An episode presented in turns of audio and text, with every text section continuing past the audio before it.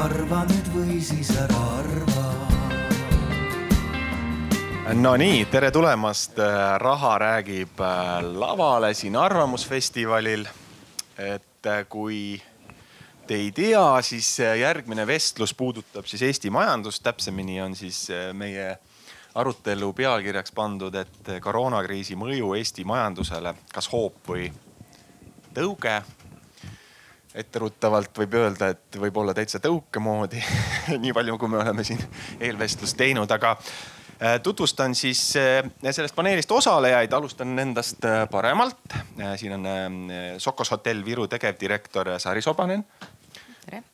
seejärel on Eesti Statistikaameti juhtivanalüütik Robert Müürsepp. tere. Eesti Panga ökonomist Kaspar Oja.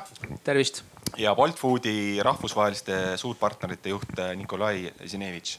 tervist. ja mina olen siis selline pikaajaline majandusjälgija äh, ajakirjanikuna Harri Tuul. ja, ja mis meil siis plaanis on, et ma arvan, et me teeme sellise selle pooleteist tunni jooksul ajarännaku, käime, vaatame natukene minevikku siin poolteist aastat tagasi võib-olla vaatame, mis seis praegu on ja, ja kiikame ka tulevikku. Äh, üritame anda siis nendele ka numbritele elu, ma arvan, siin meil on siin ettevõt-, ettevõtete esindajad ka kohal, äh, mingisuguseid täitsa vahetuid kogemusi. et selles mõttes meil on väga hea kooslus siin minu hinnangul äh, ja kindlasti pakun ka sõna auditooriumile, et kui teil on siin mõtteid või, või ka kommentaare loomulikult, et siis need on oodatud, et aga äh, kuna tegu on ka sellise statistikaameti initsieeritud üritusega, siis, alustame sellistest, äh, alustame algusest selles tähenduses, et me hästi palju räägime majanduskasvust ja ja tihtilugu ikkagi selle all mõtleme ju sisemajanduse kogutoodangut, et, et räägiks korra lahti, et, et mis see sisemajanduse kogutoodang on ja mida ta ei ole. Robert jah, eks see on sihuke populaarne asi, mida tsiteeritakse palju ajakirjanduses ja räägitakse sellest palju, aga võib-olla jah, kõik täpselt ei teagi, et mis ta endast kujutab, et aga ma arvan, et kõige lihtsustatum selle kohta öelda, et tegemist on siis üldjuhul räägime mingist ajaperioodist, ühest aastast ja siis tegemist on selle aasta jooksul siis eh, tarbitud kaupade ja teenustega. ehk siis ja kui me seeläbi mõõdame heaolu, siis nii-öelda ideoloogiliselt see heaolu tulebki sealt sellest, et mida rohkem meil on nagu erinevaid hüvesid tarbida, seda parem meil on mina ütleks, et äh, see kaubad ja teenused kokku on niisugune, äh, ta on võib-olla liiga lai, et selles mõttes, et äh, tegelikult on, ta on väiksem asi, on see skp. et aga võib-olla kõige lihtsam asi, kuidas inimesel endal mõista on seda, on, et see on aasta jooksul teenitud sissetulek. et see on kogu majandusaasta jooksul teenitud sissetulek koos siis koos siis nii palkadega, mida me kõik saame, kui ka siis kasumitega ja, ja noh, lisaks siis mingisuguste selliste arvestuslike tuludega, mida, mida me võib-olla muidu tähele ei pane, noh näiteks noh, näiteks see, et kui meil on oma eluase, et siis eluase toodab ka tegelikult mingit väärtust kogu aeg, et tänu sellele, et meil eluase on, me ei pea üürima. ja siis see eluaseme saadud heaolu on meil ka lisatud sinna SKP-le sellise sissetulekuna aga siin aeg-ajalt ikka tekib see küsimus, et miks meil, kas see on nagu piisavalt hea, ma ei tea, number või selline mõõdik, et eh, miks meil paremat ei ole? kindlasti ei ole piisavalt hea. et äh, ta näitabki äh,, kunagi äh, kuulasin ühte niisugust äh,, kuulasin ühte Prescotti loengut et kes siis rääkis sellest, et kõik need makronäitajad mis meil siin on, millest me enamasti kõik räägime, et inflatsioon ja, ja skp, et need, et noh, need tegelikult ei ole makronäitajad, sihukest asja nagu makro ei ole olemas, et need on agregeeritud näitajad. et äh, need näitavad siis äh, meie kõigi niisugust ühissummat, aga jah, sageli niisuguse üksikindiviidi kohta nad ei näita nagu väga palju. ja noh, nende tõlgendamise juures siin tulebki olla selleks, selles mõttes ettevaatlik, et eh, see, et eh, keskmine kasvab, alati ei tähenda seda, et kõigil kasvab näiteks või et, et see, et see keskmine on suur, ei tähenda seda, et on kõige suur, et harilikult nagu sissetuleku näitajatega ongi see küsimus, et need on noh, matemaatiliselt nad on lähedase jaotuse, jaotuse nagu loognormaalne jaotus. selle jaotuse niisuguseks eripäraks on see, et selle jaotuse keskväärtus äh, on suurem kui mediaan. ehk et siis äh, enamik inimesi teenib vähem kui keskmine. ja kõige tavalisem sissetulek äh, või siis kõige tavalisem väärtus sellel loognormaalsel jaotusel on allapoole mediaani. mis on, mis on kõige levinum. et see on, see on ka selline omapära, et, et sageli, kui kuuleme näiteks uudistes seda, et kes teenib keskmist palka või et siis, siis no see ongi tõsi, et, et see keskmine sageli ongi kõrgem kui kõige levinum äh, siis äh, näitaja või siis, või siis ka keskmise inimese vastav näitaja.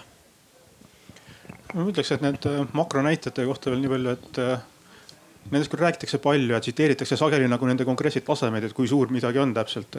aga ma ütleks, et see ei olegi nagu asja eesmärk otseselt, tegelikult eesmärk ongi vaadata, kuidas nad ajas muutuvad ja milline on see trend nagu, et kas meil läheb paremaks või halvemaks, et see on tegelikult see, mida me sealt teada tahame saada ja et kui kiire see areng ligikaudu on. sest ega need näitajad, nad loomulikult ei ole perfektsed ja nad ei, ja me ei suudagi kõike kinni püüda, mis maailmas toimub okei okay,, aga Nikolai ja Sari, et kui palju teie vaatate neid SKT, SKT numbreid või majanduskasvu numbreid või mis numbreid te, on teil sellest mingit tolku või te vaatate mingeid teisi numbreid hoopis, et? no muidugi vaatame, kui teeme näiteks järgmise aasta plaane ja eelarvet, nii vaatame, kuidas see majandus äh, Äh, loodetavasti areneb siin näiteks äh, kodu, koduturul või siis äh, noh, laiemalt ka, et. eks pigem prognoose. ja prognoose vaatame ja siis loomulikult vaatame, et kuidas me ise oleme õnnestunud, kui me võrdleme seda meie, meie nagu tulemusi selle, selle numbriga, mis nüüd siin riigis on nagu, nagu keskmiselt toimunud, et, et loomulikult vaatame. ma ei saa ise vast nii palju meie finantsosakonna või eelarveosakonna eest rääkida. aga ma võin öelda nii palju, et äh, just siis nagu äri poole pealt.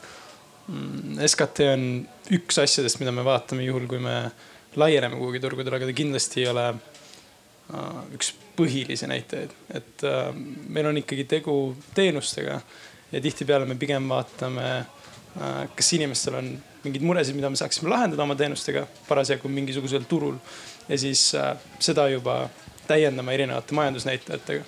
olgu siis SKT või midagi muud, millega me saame oma nii-öelda selle business case'i siis nagu ära tõestada, et see päriselt võiks toimida seal riigis aga kas te olete juhuslikult teada, et kas teile, te olete nii paljudel turgudel, et kuskil olete avastanud näiteks, et noh, no vot siin mõõdetakse seda eriti valesti? tead, ma arvan, et hästi palju huvitavaid mõõdikuid saab vaadata Aafrika riikides.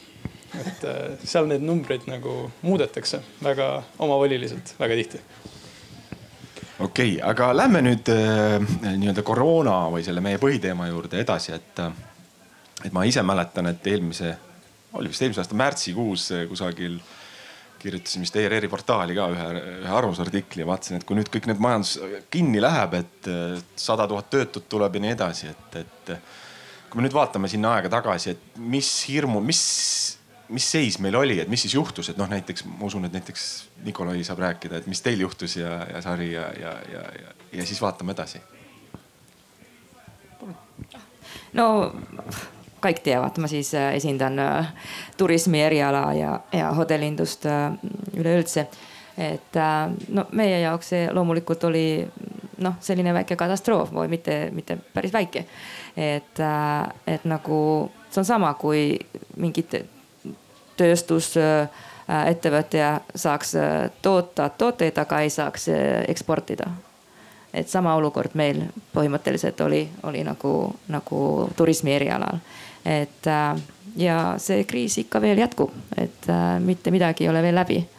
et loomulikult ja see muutus tuli väga järsult et kui tuleb mingit selline tavapärane nii-öelda majanduslangus, siis seda on juba näha ette, eks aga seda meist keegi ei osanud äh, ette näha, et see tuli noh, üks päev, noh paar nädalat võib-olla, et oli juba nagu õhus, et midagi on toimumas ja siis äh, järsult, järsult, toimus see, et, et põhimõtteliselt pandi äh, riik kinni.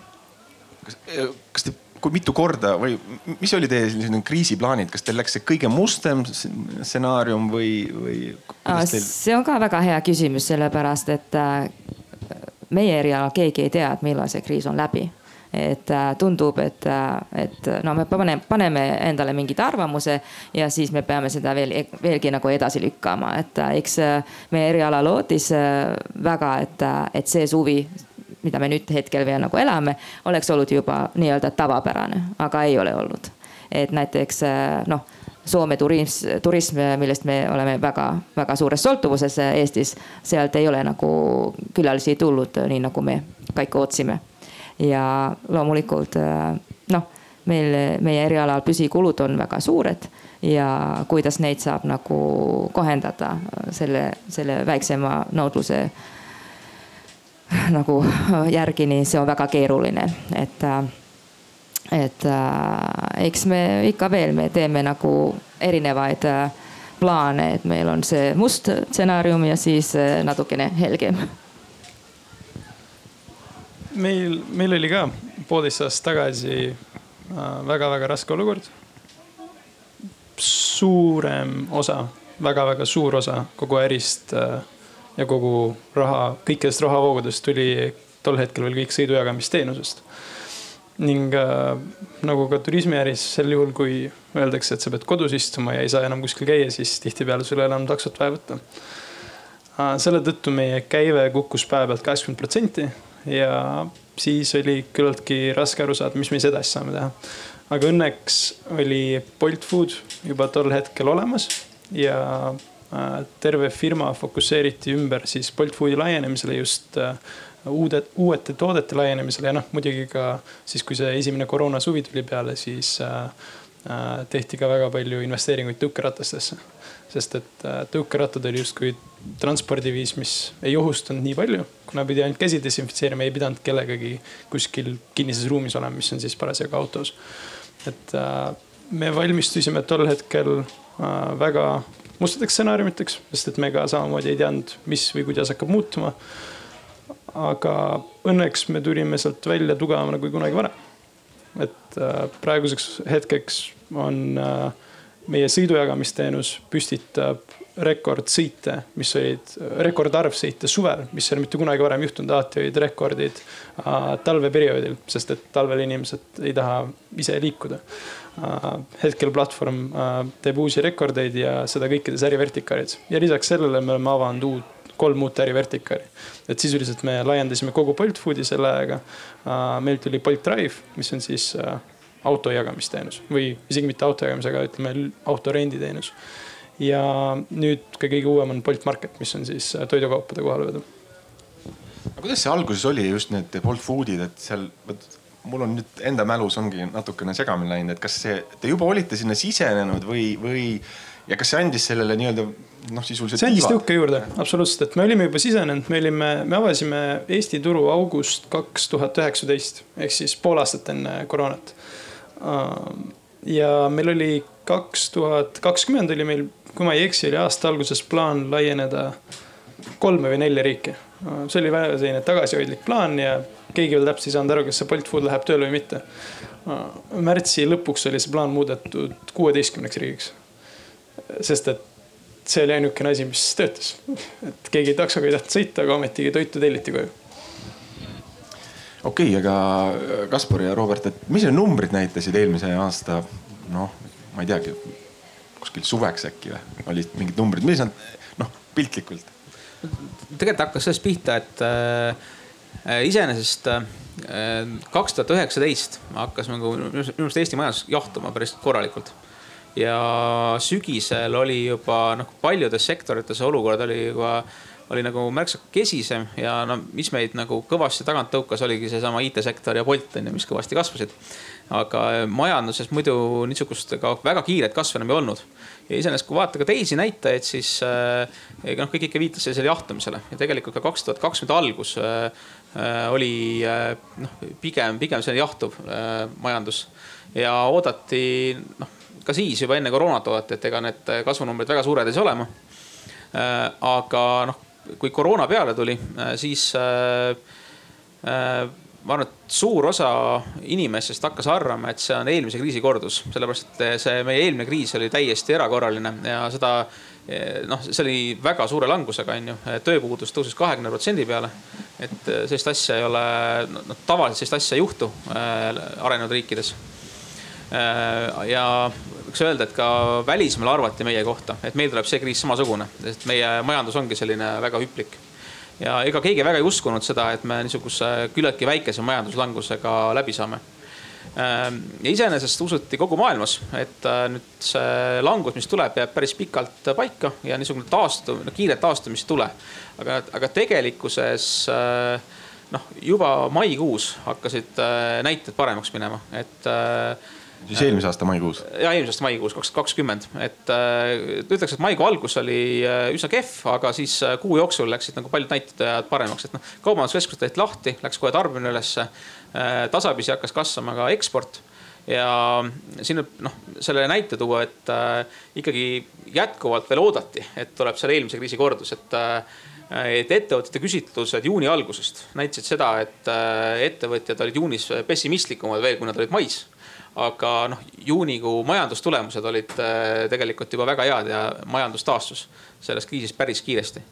et, äh, et selles mõttes äh, see, see kiire taastumine oli ka väga ootamatu, noh loomulikult see ei toimunud kõigis sektorites ühtemoodi.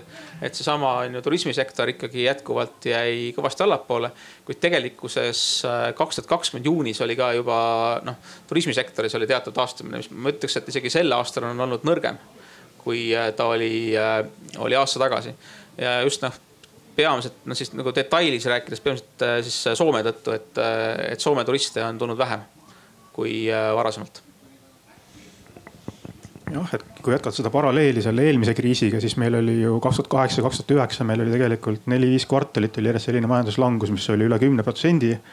ja kõige suurem number seal oligi lausa miinus üheksateist protsenti ühes kvartalis, mis on sisuliselt viiendik majandusest nagu tõmbas kokku, onju seekord me piirdusime, on ju aasta tagasi teises kvartalis vaid seitsme protsendiga.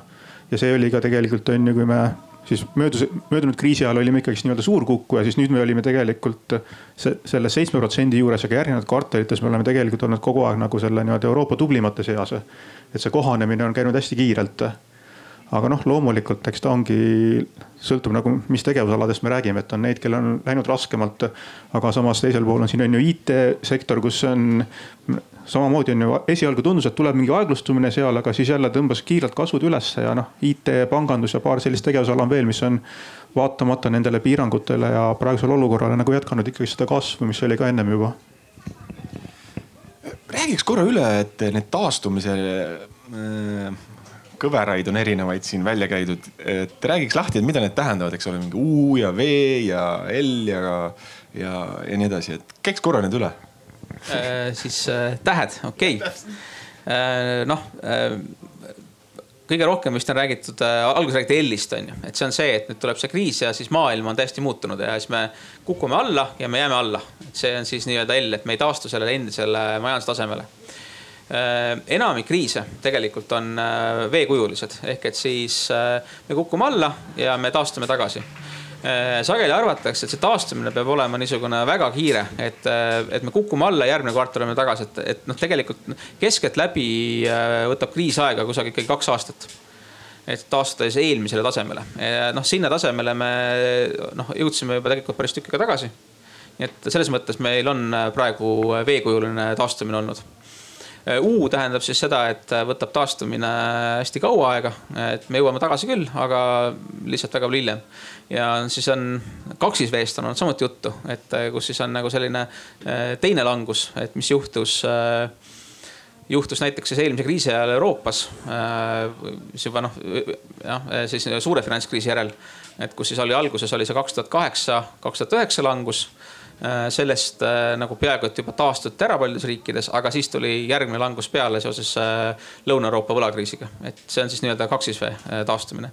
aga noh, tähti on loomulikult rohkem, et räägitakse näiteks Nike'i kujulisest taastumisest, et mis, mis vist tegelikult nagu visuaalselt on see kõige tavalisem, et me kukume nagu kiiresti alla ja siis lähme niimoodi sujuvalt ülesse. et no Nike, Nike'i märk on põhimõtteliselt see on ju siis on äh, K-kujuline taastumine. K-kujuline taastumine on siis see, et äh, osa ettevõtteid taastub päris kiiresti äh, ja ka osad vinduvad kaua ja noh, mõnes mõttes see iseloomustab ka praegust kriisi, et ongi noh, näiteks see IT-sektor on ilmselt saanud tõuke. aga turismisektoril läheb ikkagi tükk aega läheb päris kehvasti, et et need ootused, et äh, turism taastub kiiremini, ei ole ikkagi veel äh, tõele, tõeks osutunud, et kuivõrd on äh, püsinud need liikumispiirangud riikide vahel küsiks siit kohe turismi kohta, et kas Sokosel teistel turgudel on kuidagi olukord teistsugune või on igal pool ühesugune? no tegelikult meie oleme kolmel turul Venemaal, Soomes, väga suurelt Soomes ja siis üks hotell on siin Eestis, Tallinnas. et äh, no paraku Eesti on nii väike, et meie jaoks see siseturg ei ole piisavalt suur. Ja kui teenused on mitu-mitu-mitu aastat suunatud põhimõtteliselt soomlastele, siis seda nüüd kriisi ajal on natukene raske teisi, teisiti nagu muuta. Ja aga Soomes äh, siseturg on natukene suurem, seal on see viis koma viis miljonit äh, elanikku ja siis äh, soomlased ise on nüüd väga tublisti näiteks see suvi kasutanud Soome hotelliteenuseid, et seal selles mõttes läheb natukene paremini aga kas te natuke saate avada kaarte, et mis see selline nagu varuplaan on, et ütleme, soomlased nüüd ei tule, ei tule, kas tuleb, tuleb keegi teine? no kes siia nüüd tuleb, et kui meil on veel need äh, piirangud olemas ja, ja noh, ma arvan, et selle äh, koroonapassiga, mida siin äh, sellel üritusel ka nagu kasutatud, nii sellega võib-olla me saame nagu kiiremini piirid lahti ja, ja see normaalne elu taastub. aga ilma, ilma selleta, kui see viirus veel siin on, nii noh, mitte midagi ei saa nagu liiga palju oodata, et, et lihtsalt nii on, et Eh, Eestis elanikku on üks koma kolm miljonit ja, ja meie, meil üksinda Tallinnas eh, meie erialal on yli kaheksa tuhat hotellituba, et, et neid on natukene raske nagu eestlastega täita. et äh, noh, siis võiks äh, loomulikult äh, võtta eeskuju Boltist, et mida, mida võiks teha, aga ma ei tea, hakkame haiglaks või, või vanudekoduks või midagi sellist, et. et aga eks me veel loodame, et, et turismi taastub, sellepärast et mina ise usun, et turism on väga-väga tähtis Eesti jaoks, et aastal üheksateist, mis oli meie rekordaasta meie osakaal SKP-st oli kaheksa protsendit Äh, kaks, kaks miljardit oli vist meie, meie eksport, eks et need on väga sellised nagu mahukad numbrid ja ma arvan, et äh, Eesti majandus äh, on väga huvitatud sellest numbrist ka ja me pakume ka väga palju töökohti. isegi üheksa teist aastal vist oli mingid kolmkümmend tuhat äh, inimest äh, meie erialal tööl. et, äh, et ja mitmele inimesele me pakume seda esimest töökohta, et noored tulevad meie erialale ja õpivad, kuidas tööl käia. ja siis võib-olla lähed, minevad hiljem teistele, teistele erialadele tööle ja ja minu arvates meie eriala on ka tähtis selles mõttes, et me oleme visiitkaart Eestist et kui inimesed tulevad siia puhkama, nad näevad, et, et meil on väga selline kõrgetasemeline turismi siin olemas väga,, väga-väga uhked, head hotellid ja muud teenused. ja siis nad mõtlevad, et ah, äkki tulengi oma ettevõttega siia ja, ja kui meil ei ole seda turismi, seda taristut, mis, mis on vajalik, nii siis ei keegi siia tule. ma arvan, et need äh, IT-ettevõtjad ei ka tule, kui siin ei ole neid teenuseid pakkuda või kuidas on, mis sa arvad? Ma absoluutselt nõustun, et turism on väga tähtis uh,. ei, ma tegelikult nõustun kogu selle jutuga, ma arvan, et see kogu jutt on nagu väga loogiline, et mul on endal samuti väga kahju, et see turism pole, pole, pole taastunud, ma just siin ise nädal aega tagasi tööasjus just reisisin ja noh, see turism on ikkagi päris raske, kuigi uh, ma olen paar korda koroona ajal pidanud reisima ja ma olin esimesel reisil olin septembris, eelmine aasta, kaks tuhat kakskümmend oli vist siis jah. et siis ma olin Frankfurtis esimest korda niimoodi mainis, äh, Frankfurt on mainis, et see oli täiesti tühi. ma, see oli lausa hirmutav natukene, et see oli nagu kuskil õuduse filmis. ja nüüd, kui ma olin eelmine nädal seal, siis mul oli natukene isegi raske, noh. ma, ma tundsin natukene muret enda pärast, kuigi ma olen vaktsineeritud, et äh, seal oli nii palju inimesi ma päriselt proovisin otsida nurkasid, kus ma saaks natukene rohkem enda, omaette olla, et. Euroopa pildis tundub, et natukene võib-olla asjad hakkavad paremini minema turismis. sest et eh, just suurtes lennujaamades ma hakkan nägema äh, inimeste rohkust juba äh, see samal tasemel, mis peaaegu samal tasemel, mis me nägime seal enne, enne, enne koroonat. kuigi kõik on maskides muidugi ja see kõik näeb hoopis teistsugune välja, aga aga nad on vähemalt seal juba ja on järjekorrad kohvikutes ja inimesed tahavad croissant'e, et see on mingil määral isegi rõõmustav hotellidega ongi, ongi see, et äh, ka selle sektori sees on, on see nagu käekäik väga erinev, et äh, kõige halvemini lähebki Tallinna hotellidel, sellepärast et need on peamiselt siis noh toetunud kas siis sellele Soome turistile või siis niisugusele konverentsituristile. ja niisugune tööreisimine on just see, mis on ära kadunud, et äh, tegelikult äh, kui vaadata väljaspool Tallinnat, siis äh, ka seal see ikkagi niisugune sisetarbimine vähemalt sel suvel on äh, päris palju aidanud ja, ja olukorda paremaks teinud. aga üks huvitav fenomen on veel, mis, mis korra, mis korra jutust läbi tuli, on see suur turismi mõju majandusele. et mul, mul on kuidagi tekkinud see tunne, et, et ta tegelikult siiski on natukene väiksem, sellepärast et noh, kuna see sektor ikka suuresti kukkus ära, siis me oleksime pidanud nägema suuremat mõju kogu majandusele, SKP-le, aga me ei näinud seda et äh, lihtsalt kogu ülejäänud majandus oleks pidanud kasvama noh, siis äh, palju kiiremini äh, kui, kui siis muul ajal. Et selline number kokku saada, aga seda ka nagu juhtunud, et ma kahtlustan, et, et siin on jälle see nüüd mõiste küsimus mängus, et millest me räägime selle turismi suure mõju puhul. et üks asi on see niisugune nagu käibenäitaja, kui palju me ekspordime seda teenust ja teine asi on siis see lisandväärtus või skp, et kui palju me sealt tulu teenime. et äh, käibes ka hästi suure osa moodustavad tegelikult siis niisugused imporditud tooted ja, ja ka teenused, mis, äh, mis siis nagu tegelikult meile siia koha peale väärtust ei loo et nad aitavad selle väärtuse loomisel kaasa, aga otseselt seda ei loo. et näiteks noh, turismi puhul hästi suur osa on kütusel eh, lennureiside puhul, kus see sisse tuleb. ja noh, see suuresti, selle me suuresti ju impordime.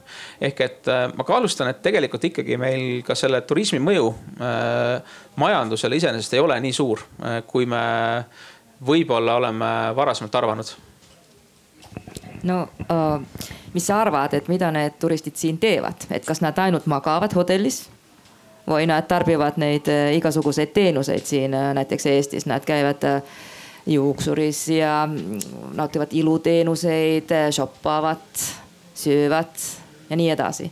et, et ma arvan, et nad jätavad siiski nagu rohkem raha siia, kui nüüd ainult, mida näiteks meie näidame, meie ei, seda, seda kindlasti, seda kindlasti, aga, aga lihtsalt noh, see asjaolu, et kui meil kogu see turism ära kukkus eelmisel aastal Äh, ja selle mõju oleks tõesti äh, seitse-kaheksa protsenti SKP-st.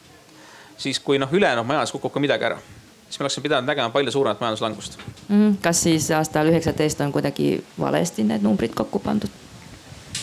Ma lihtsalt väidaks ka seda, et see ilmselt see seitse-kaheksa protsenti on ülehinnatud, et äh, ma arvan, et tegelikkuses see mõju on ikkagi palju väiksem olnud.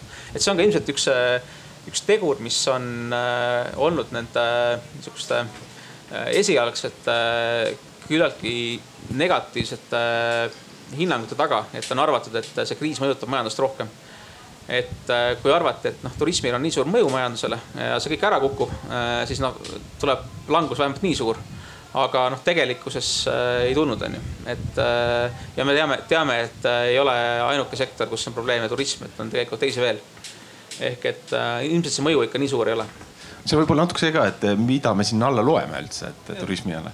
tegelikult, tegelikult ma tahtsin vahele küsida, et noh, ma ei ole ise neid numbreid nii palju analüüsinud ja ei tea täpselt, mis metodo-, metodo, metodoloogia seal taga on.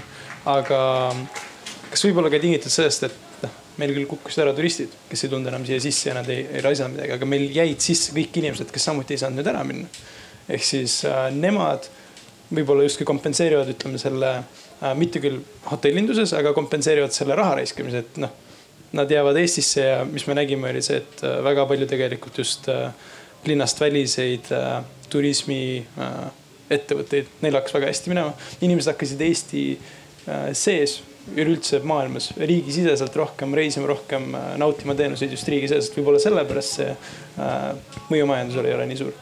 Ma arvan, et aasta tagasi tegelikult äh, see efekt nii suur ei olnud, et äh, tegime nüüd arvutusi ka, et kui palju see siseturism äh, tasalülitas seda langust ja see noh, see ütleme, et see langus, mis Tallinnast tuli ikkagi Tallinna hotellidest, see oli nii palju suurem, et see siseturism seda väga palju tasalülitanud aga noh, samal ajal on ka noh, oleme näinud, et ka inimeste hoiused on kasvanud, on ju, ja ilmselt see suuresti tuleb sellest, et inimesed ei reisinud ja see reisiraha jäi siis nagu hoiustele. Et äh, kindlasti mingi osa sellest äh, välismaal tehtud tavalistes kulutustes tehti Eestis, et see on ka tõsi, et näiteks kui inimesed käisid varem Lätis poes, see on odavam või ostsid Lätis kütust, alkoholi, siis noh, kui reisidel keerulisem, siis seda tehti vähem. et see paistab, paistab andmetest välja selles mõttes sellist muutust tarbimiskäitumises tegelikult on üsna laiemalt ka näha olnud, üsna kohe oli see, et jah, okei okay,, välismaale enam ei mindud, see kukkus ära. aga samamoodi on ju, kui meil tuli eriolukord, kukkus in, inimestel langesid meeletult ka muidu transpordikulud ja ka muud asjad, mis on nagu seotud just sellest nii-öelda kodunt väljas käimisega, kasvõi rõivaste ja riiete ost, kulutused vabale ajale, meelelahutus, siuksed asjad ja samas on selle arvelt siis jälle saanud hoogu juurde on ju kõik, mis on nagu koduse eluga seotud, et kodune toit, jook, samamoodi igasugune kodude renoveerimine ja sinna on nagu kõvasti panustatud aga, aga jah, aga, aga lihtsalt see on, see on võib-olla see natuke metoodiline küsimus, aga et lihtsalt, kui meil on eksport on, on näiteks äh, kaks miljardit. Äh, aga selle, sellest, selle sisendist pool on imporditud siis see lisandväärtus või skp, mis Eestis sealt tekib, on üks miljard, et ta ei ole siis äh, see kaks miljardit. et see ongi niisugune noh, võib, võib-olla ka metoodika küsimus, et see mõju majandusele lõpuks on ikka see üks miljard ainult, mitte, mitte kaks sellisel juhul noh, see on seesama punkt on ju, mida räägitud tegelikult pikalt juba siin paarkümmend aastat sellest, et mis on see alltöövõtt, mida me võib-olla välismaale siin teeme. et kui tuuakse meeletult elektroonikajuppe siia on ju, pannakse nad lihtsalt klõps-klõps kokku, viiakse uuesti välja, siis sellele ei ole nagu otseselt lisandväärtust ja see ongi, et import tuleb sisse ja peaaegu samas mahus eksport läheb välja jälle, et meie nagu ei teeni selle pealt midagi, et. et kus on see nagu see suurem lisandväärtus on ju, et äh, siin mingi uus asi välja mõelda nendest juppidest ja panna nad kuidagi loomingulisemalt kokku on ju, mille poole on võib-olla tasapisi nüüd hakatud liikuma jälle aga teistpidi ikka need inimesed, kes seal tööl on, eks ole, ega nad võib-olla kohe ei oska, et noh, ma ei tea, kui me paneme seal õmbled kaotavad tööd, et nad kohe, eks ole, programmeerima ilmselt ei tõtta. no eks neid töö, tööturu probleeme on siin ka aastaid räägitud et ja aasta tagasi, kui äh, koroonakriis peale tuli, siis oli on ju töötute arv Eestis oli noh circa kolmkümmend viis tuhat. siis ta alguses kohe ei kukkunud, aga ta hakkas siis kakskümmend aasta teises pooles hakkas kukkuma, kui nagu ettevõtted nagu hakkasid juba noh peale sunnitud olukorrale nad olid sunnitud reageerima, et ei saanud enam oodata. siis nüüd see number oli siin kevadel saavut-, jõudis viiekümne viie tuhande peale, mis on siis nagu viimase noh, siis kahe aasta suurim näitaja. ja nüüd ta natukene on tagasi läinud, aga kui siin oligi ennem juttu, et turismisektoris kusagil võib-olla kolmkümmend tuhat töötajat. et võrreldes siis nagu aasta tagasega meil aasta tagusega meil on praegu kusagil viisteist, kakskümmend tuhat inimest, kes ei ole praegu tööl, kes ennem olid tööl. aga tegelikult majandusel tervikuna läheb hästi nagu et kusagil on ju, on leid-, noh, et majandus on leitud muud tegevused, mis nagu kompenseerivad seda turismi ärakukkumist nii kõvasti, et me lihtsalt ei näe sellist nagu efekti ka töötute arvus. aga siin on, siin on üks minu arust ka üks oluline vastuolu veel, et kas me vaatamegi nüüd seda SKP-d või me vaatame näiteks tööpuudust et äh, juhul, kui noh, võtame IT-sektori ja turismisektori, mis on enam-vähem ühesuurused ja siis äh, IT-sektoris on palk on noh, praegu pakun umbes kolm korda suurem Äh, ja nüüd äh, turismisektori tabab šokk ja nad äh, koondavad veerandi töötajatest, siis keskmine palk majanduses tõuseb.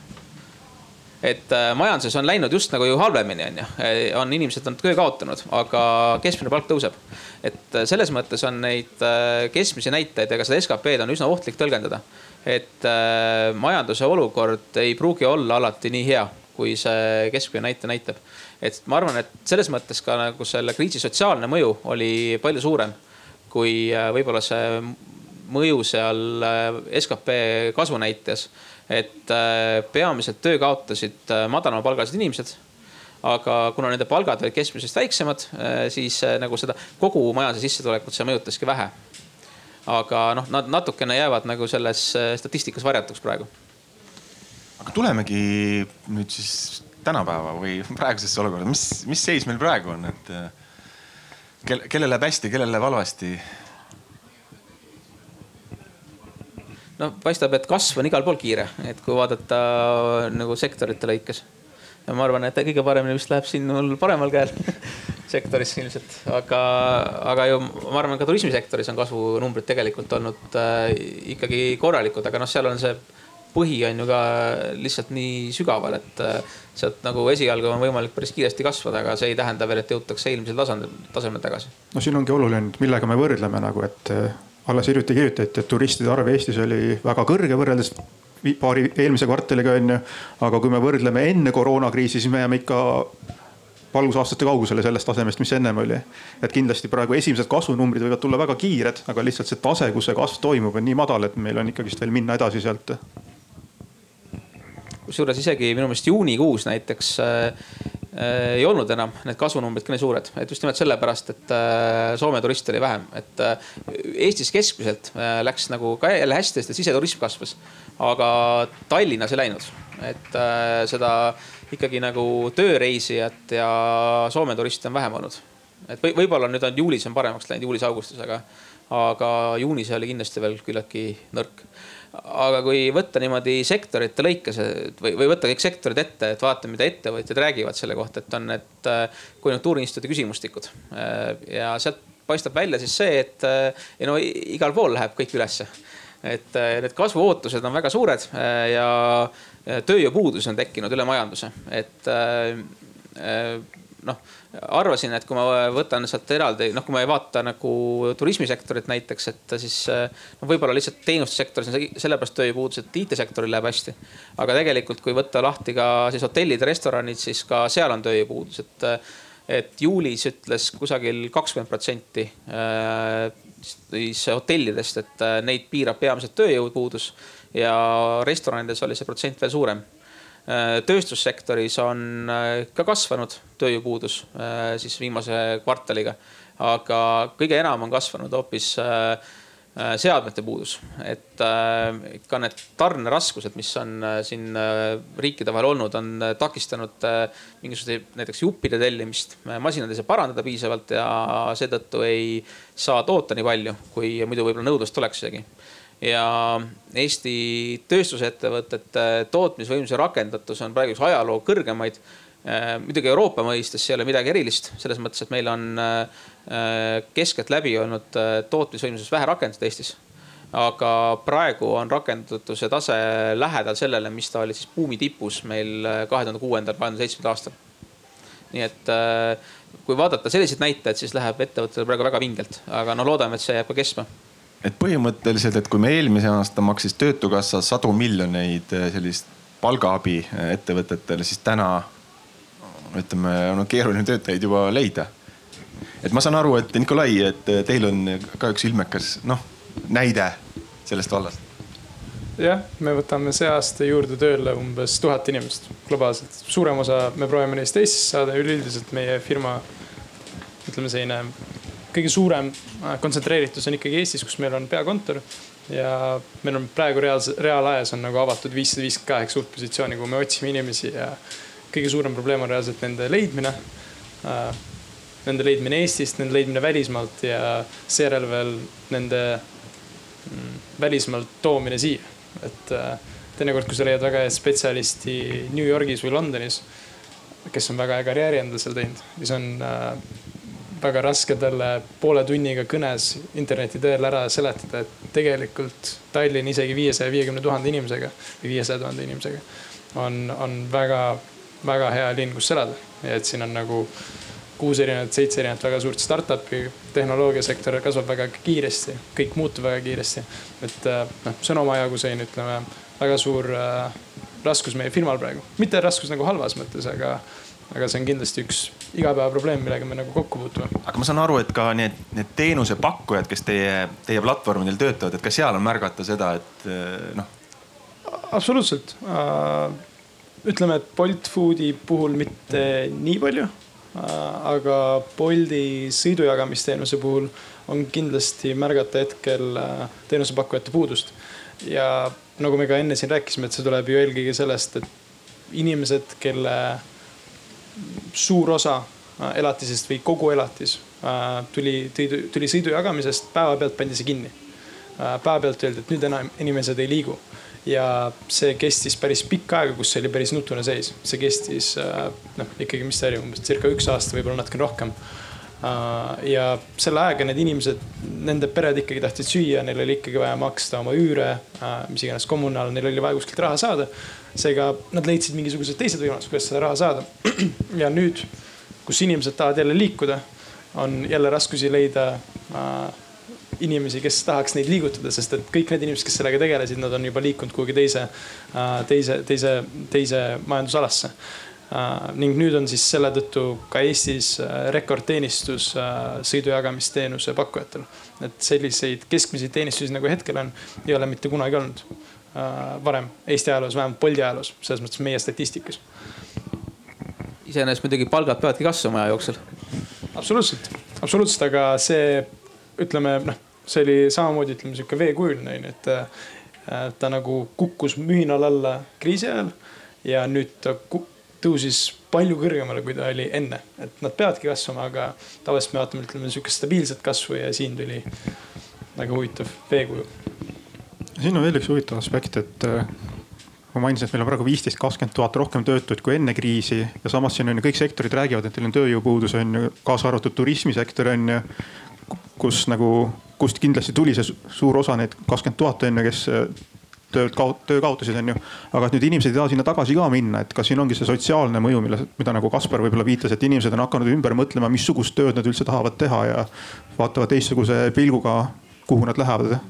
ma arvan, et see meie eriala olukord, et see on väga ebakindel täna et, et mis, mis võiks nagu tulevikus juhtuda, niisiis inimesed otsivad sellist töökohta, kus nad saavad nagu, nagu kindla sissetuleku ja saavad oma, oma kohustustega hakkama, et, et noh, ma loodan, et mitte nüüd tulevikus Eestis neid uusi piiranguid ei tule nii järsult, aga, aga siin möödunud poolteist aastat, see on olnud nagu väga-väga nagu vinge aeg. sellepärast, et need erinevad äh, piirangud tuli nagu väga kiiresti ja siis äh, oli vaja panna, panna teenused kinni ja või, või väga piiratult pakkuda ja siis selle mõju meie tööjõule oli väga suur. et äh, ma arvan, et see on üks, üks tegur, et kui, kui see meie eriala jälle saab selle sellise nagu stabiilsuseni, siis ma arvan, et see hakkab jälle huvitama inimesi see on väga vinge eriala aga kuidas te, Sari, kuidas te olete hoidnud inimesi või kui palju te olete, kui paljudest te olete sunnitud olnud loobuma? no loomulikult kuidas... oleme siis, kui, kui käibenumbrid äh, kukuvad drastiliselt, nii siis ei ole võimalik, et, äh, et me oleme väga palju olnud äh, nagu noh, me oleme pidanud koondama inimesi, et see on nagu olnud noh, fakt. aga kui te nüüd juurde tahate kedagi kutsuda, siis on see, on see keeruline? see on keeruline, keeruline on leida inimesi eriti häid inimesi. Ja et äh, tegelikult töötutest väga suur osa on olnud juba töötu vähemalt aasta aega, et ehk et noh, suur osa ju kaotaski töö tegelikult on ju äh, kahe tuhande kahekümnenda aasta kevadel.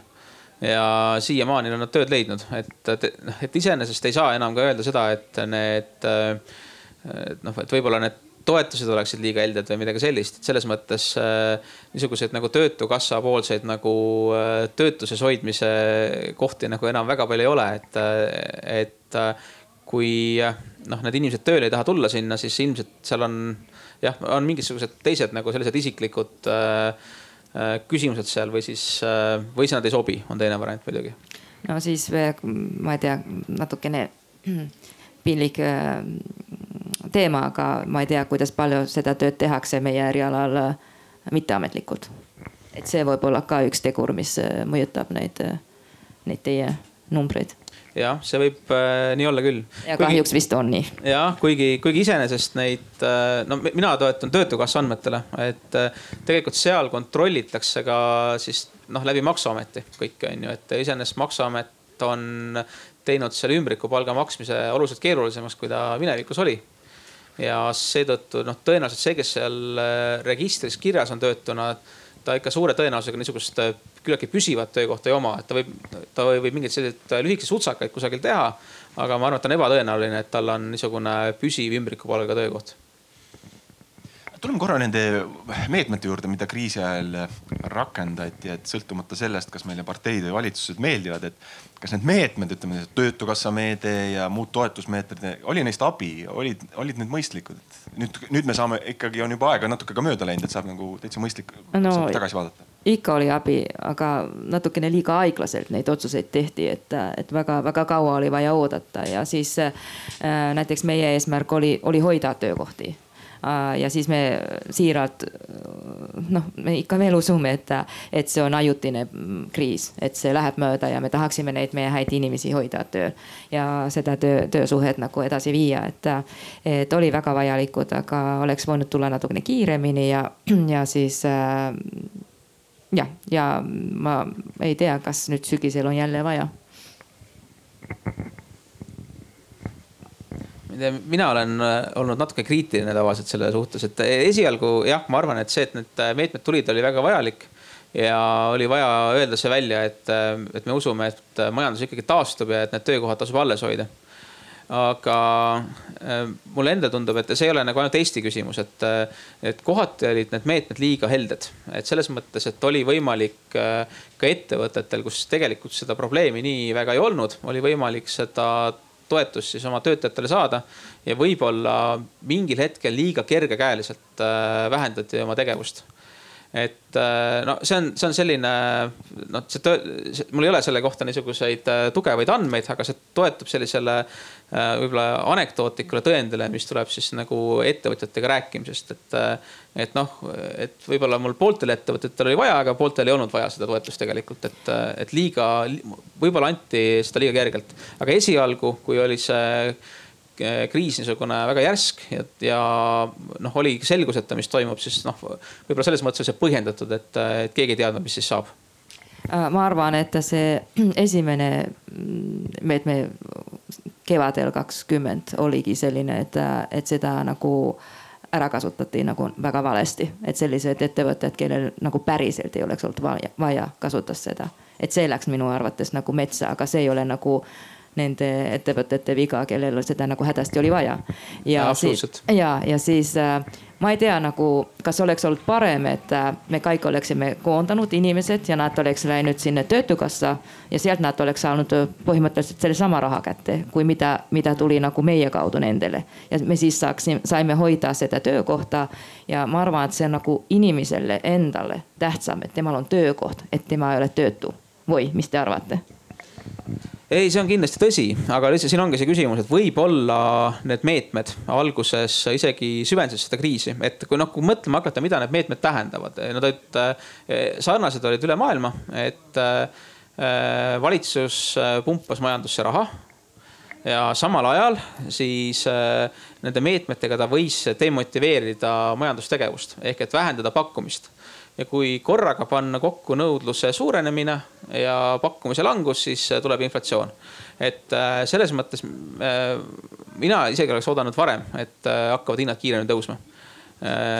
aga noh, nüüd on see nagu maailmas juhtunud muidugi, see ei ole muidugi mingisugune hüperinflatsioon. kas sa pead silmas seda, et see meetmete üks kriteerium oli selline, et sul pidi olema nii-öelda käibelangus, et, et saada neid toetusi? sa pead silmas seda, et see nii-öelda motiveeris olema laisk kui ma nüüd utreerin no seda on äh, niimoodi, seda meedet on keeruline disainida, et loomulikult see käibelangus oli selles mõttes loogiline, et, äh, et ikka peavad saama need ettevõtted, mis äh, on pihta saanud. aga üks nagu meede, millega seda toetuse võib-olla timmida, on siis see, et ta oleks, ta ei ole, ta ei ole väga helde, et saab üsna vähe toetust. ja sel juhul võtavad toetust need ettevõtted, mis on hädas ja need, kes ei ole hädas, äh, noh, neil ei tasu selle võtmine ära. Äh, et ma arvan, et näiteks sedasama turismisektorit, no turismisektor oleks kindlasti võtnud seda toetust ja oleks kindlasti abi saanud, aga võib-olla mõned ettevõtted, mis ta ei vajanud, ei oleks seda toetust nii palju võtnud et äh, see, see nagu probleem võib-olla on ka nagu välja paistnud rohkem Ameerikas nüüd, kus no Euroopas tegelikult need toetused ikkagi töötasid.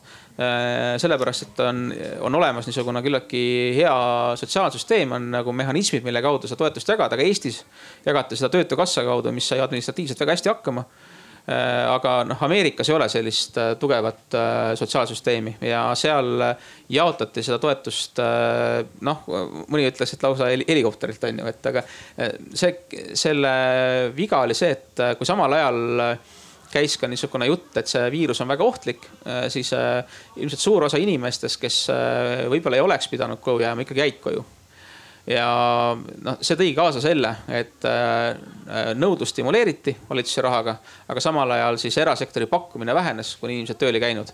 ja noh, see on siis see ilmselt üks põhjus, mis on ka selle, selle kevadise inflatsiooni taga äh, Ameerika Ühendriikides.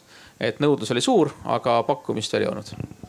eks nende rasketel hetkedel majanduse toetamismeetmetega on alati see küsimus, et äh, see esimene reaktsioon on ikka see, et me tahame hoida alles seda, mis siiamaani oli ja me toetame, et majanduses toimuks muutust. aga võib-olla, kui see me nagu ei, ei toeta nii heldelt, laseme selle muutuse sisse, on ju, võib-olla see viib meid veel paremasse kohta. toob võib-olla mingit uut innovatsiooni või kasvõi see kohanemine on ju Bolti puhul on ju, kuidas tegite oma selle food'i plaani kohe ümber, on ju suuremalt, laiemalt mujale mind huvitaks kuulda, et mida te soovitaksite meie erialal, et kuidas koheneda mina arvan, et seal, ma, ma selles mõttes turismisektori osas ei nõustu selle muutusega, et ma arvan, et seal ei olegi sellist, et senikaua, kui me veel loodame, et äh, see viirus läheb äh, mööda või, või noh, vähemalt, et kui ta, kui ta jääb ka sellise hooajalise haigusena ja me ei põe enam seda nii raskelt tulevikus. et on võimalik uuesti reisida, et senikaua ilmselt noh, jääb, jääbki see status quo, et ilmselt tuleb kuidagi turismisektorit alles hoida aga eh, noh, loomulikult on võimalik ka see stsenaarium, kus eh, võib-olla me ei reisigi enam tulevikus nii palju, et tege, tegelikult ega see see koroona ei ole ainukene asi, mis on maailmas vahepeal toimunud, et eh, ka noh, kliimakriis näiteks on ju, et reisimine muutubki kallimaks ja võib-olla siis me reisime vähem Äh, võib-olla see, et nüüd me oleme saanud rohkem kasutada Zoom'i, tähendab seda, et me käime tulevikus vähem kusagil kaugel konverentsil. Ja no ka, ka seetõttu just, just nimelt see, see äriturismi sektor kuivab tulevikus kokku, et noh, see on ka võimalik, et siin ei ole nagu praegu tegemist enam niisuguse, ma ütleks nagu ainult ühe näitajaga või ühe selle šokiga, nagu see koroona oli, vaid siin on neid tegelikult rohkem. Ka see, et majandusel on hakanud hästi minema, ei ole, ma arvan, niisugune nagu äh, koroona positiivne külg vaid see pigem on ikka see, et nendel äh, tegelikult need sektorid, äh, see IT-sektor ongi olnud Eestis väga edukas. et, et Eesti-sugused riigid peaksid kasvama, Eesti, Eesti-suguse riigi majanduskasv peaks olema kusagil niisugune kaks protsenti. et me oleme tegelikult jõudnud oma jõukusega sellisele tasemele, et et noh, nii jõukad riigid ei kasva enam nii kiiresti. et nad, et nad panevad viis protsenti aastas mitu aastat järjest aga noh, seda on võimaldanud see, et meil on olnud neid äh, ettevõtteid, mis on äh, ka maailma mastaabis edukad ja nad on siia Eestisse sattunud. et äh, see, ma arvan, see on suhteliselt juhuslik et see ei ole, see on, see on, see on niisugune nagu vedamise asi, et, et riigil on niimoodi läinud. noh, ilmselt võib-olla, võib-olla vaidlete, et kas see on vedamise asi ainult, aga, aga noh, suur osa niisugustest noh, kiire kasvu ette, ettevõttes ei, ei õnnestu ja, aga meil on Eestis need õnnestunud ja see on meil seda kasvu nii palju tõuganud. ehk et äh, see, mis majanduses praegu toimub, ei ole ainult see koroona, vaid see on äh, tegelikult äh, ka te, mitu teist asja et on, on see kliimamuutus, mis on väga tugevalt sisse tulemas, on, on tekitanud inflatsiooni meil praegu ja samuti on ka siis, siis IT-sektori väga suur edu Eestis. räägime korra kliimast ka siis juba, et kui, kui palju te, teie ettevõtteid see mõjutab, et ma tean, Boltil on lausa selline noh, see rohe green pledge või kuidas te seda nimetate? ja meil on äh,, Boltil on kliimamuutusega tegelikult päris palju äh, tegemist. või noh, justkui millega me ise tahame tegeleda, et me oleme sellest väga teadlikud äh,. alustades sellest, et äh, Martin Villig, kes on siis äh, Markus Villigu äh, vend ja samuti üks kaasasutajad, siis temal on, äh, tema juhib meie äh, ettevõttes. See on siis sustainability tiim, mis tegelebki just erinevate projektidega selle ümber. meil on, meil on eraldi kokkulepe, partnerlus, kus me offset ime ehk siis eesti keeles on see sõna äkki, ma ei tea, tasakaalustame vist. teeme, proovime, ühesõnaga offset ime kõik CO2 väljaheited, mis tulevad meie sõidujagamisteenusest. hetkel sõidujagamisteenusest me proovime laiendada seda kõikidele äh, ärivertikaalidele. ehk siis, et äh, kõik see, mida me justkui halba teeme, me proovime seda kuidagi paremaks muuta. ja tegelikult suures plaanis meie mõte ei ole lihtsalt nüüd loodust toetada läbi selle, et me istutame rohkem puid partnerluses, vaid kogu meie firma missioon on muuta tegelikult linnad äh, rohkem inimestele elatavaks. sest et läbi meie teenuste on võimalik väga palju muuta. on võimalik sõita elektritõukerattaga üks-kaks kilomeetrit selle asemel, et minna garaaži, istuda oma autosse, sõita äh, teise garaaži. on võimalik võtta Bolt Drive selle asemel, et äh, osta oma autot, sa võid võtta selle auto täpselt selleks ajaks, kui sul on seda vaja. inimestel on, eriti Euroopas on, on väga-väga suur äh, osa autosid, mis neil on enda omandis. ja need autod ju tegelikult suurem osa päevast lihtsalt seisavad. Nad ei tee mitte midagi kasulikku. tegelikult isiklikul autol tänapäeva maailmas ei ole absoluutselt mõtet äh, ütleme või noh, absoluutselt mõtet, see on valesti öeldud, see on natuke liiga kõvasti öeldud hetkel. aga me teeme kõik selleks, et selle mõte väheneks aina rohkem. sest et kui me saame jagada autosid omavahel, kellelgi on vaja kell kaksteist päeval sõita, kellelgi on vaja kell kümme hommikul sõita. kui me saame tõukeratastega oma need kiired sammud ära tehtud, mis meil on vaja nagu kuhugi küljepoodi minna ja kui me saame äh, tellida endale koju asju äh, poest, selle asemel, et võib-olla minna sinna autoga, mida ma oleks muidu teinud. siis me suudame muuta üleüldist liikuvust vähemaks äh, väljaheiteid vähemaks ja samuti saame muuta ka oma linnad äh, inimestele sõbralikumaks. sest et äh, noh, Tallinnas ei ole hetkel nii hullusti näha, kuigi meil ka neid jalgrattateid just nagu kõige rohkem pole. aga kui me vaatame maailma mastaabis suuri linnasid, äh, kus elavaid, kus elavad miljoneid inimesi, siis me tihtipeale näeme, et linnasid ehitatakse autode jaoks, mitte inimeste jaoks mis äh, mingil määral ei ole nagu loogiline, et linnas võiks olla rohkem rohelust ja rohkem kohtasid inimeste ja perede jaoks, kus kõndida ja nautida linnaelu. selle asemel, et äh, minna välja ja panna isegi enne koroonat mask pähe, et mitte, äh, mitte tunda kõiki neid heite gaase, mis seal linnast tulevad. et suures perspektiivis, noh üks asi, mida me hetkel teeme, on see partnerluses sama sellega, et, et, et äh, istutada rohkem puid ja offset ida kogu see CO2, äh, mis, mis meie nagu sõidujagamisteenus tekitab. aga suuremas perspektiivis oma teenustega me tegelikult proovime muuta äh, vähemalt nendes linnades, kus me oleme, nendes riikides, kus me oleme. just muuta üleüldine mõtteviis, kuidas inimesed liiguvad paremaks ja seetõttu ka loodussõbralikumaks ja seetõttu ka positiivselt mõjutada kliimamuutust. ma kohe küsin, et noh, see on teie selline visioon, et teie tahate nii-öelda muuta, kui palju seda nõudlust noh, nii-öelda te näete, et, et ma ei tea, kliendid tahavad seda või nad tarbivad pigem seetõttu, et noh, ma ei tea, noh, ma ei tea, Bolt Driver, noh, no on soodne noh on noh aga see ongi meie eesmärk. meie eesmärk on muuta need teenused teie jaoks niivõrd äh, taskukohaseks, et äh, inimesed saaksid aru, kliendid saaksid aru, et see on tegelikult mõistlikum. see on kõige parem viis selle tegemiseks nagu sa ütlesid, Bolt Drive on soodne ma. see ei olnud juht... reklaam või, või? ma lihtsalt toon eh, lihtsalt üks näide. mul juhtus endal kahjuks üks õnnetus enne, täpselt enne Bolt Drive'i tulemist. Äh, mulle keerati ette ja mitte minu süül, äh, ma jäin autost ilma ja ma olin väga seda mõtteviisi, et mul peab auto olema. ja kaks nädalat hiljem käivitati Bolt Drive, äh, alguses firmasiseselt, et me saaksime nagu testida. ja nüüdseks ma olen aru saanud, suure tõenäosusega vähemalt lähitulevikus ma ei plaani endale autot osta, väga mugav Äh, ja väga soodne on samamoodi no tegelikult vist mingi, ma kujutan ette, et suurem osa nendest autodest, mis muidu seisavad, liiguvad kusagil ajavahemikul kell seitse kuni kell üheksa. ja siis uuesti kell äh, kusagil äh, kuusteist kolmkümmend kuni kaheksateist kolmkümmend et eh, noh, siin on, siin on see koht, et, et eh, me võime mõelda paljudest asjadest niimoodi, et nad suure osa ajast seisavad, aga meil on tavaliselt vaja neid kasutada kõigil ühel ajal et näiteks minu hambahari on selline, mis suurem osa päevast seisab lihtsalt. Eh, aga noh, ma, ma kindlasti ei ole nõus seda jagama kellegagi et, et, et selles valguses ma väga seda optimismi ei jaga, et ma, ma kahtlustan, et üks asi, mis, mis nagu niimoodi tekib, on see, et äh, osa inimesi, kes äh, varem ei kasutanud autot, hakkavad enda autot kasutama, kuna neil tekib see lühiajaline kasutamise võimalus, mida neil enne olnud, vähemalt minu tutvusringkonnas on niimoodi, et äh, et paljud need autorendi, lühirenditeenuste osutajad on sellised, kellel endal autot ei olnud ja siis nad äh, nüüd saavad autoga sõita, varem nad autoga sõita ei saanud. Äh, ja saavad ka loodust külastada.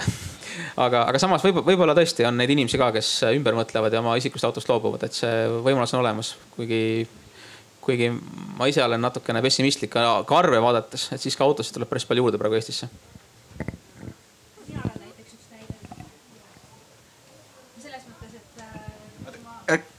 Äkki tahad üks kommentaar siis publikusse vahelduseks? Äh, mina olen Annika ja mina olen just üks näide, mul tuli väga tuttav ette, et äh, mina ütleme nii, et mul varasem auto hakkas juba natukese liiga palju äh, hoolt ja armastust nõudma. et müüsin selle maha ja mõtlesin algul peale, et niikaua kui ei suuda valida seda järgmist välja, et panen Excelisse siis kirja oma need Bolti sõidud ja Bolt Drive'i sõidud ja maikuust alates praeguse seisuga üle seitsmesaja euro olen plussis. ja ma ei ole võtnud kütust arvesse, mis on nagu selle noh Bolt Drive'i ja Boltiga siis nii-öelda seal hinna sees, et et äh, puhtalt on see praegust olnud äh, siis äh, liising ja, ja siis need kindlustusmaksed. Need on väga suured ja tulles hambaharja, mulle väga meeldis hambaharja näide. ma tulen selle näite juurde tagasi.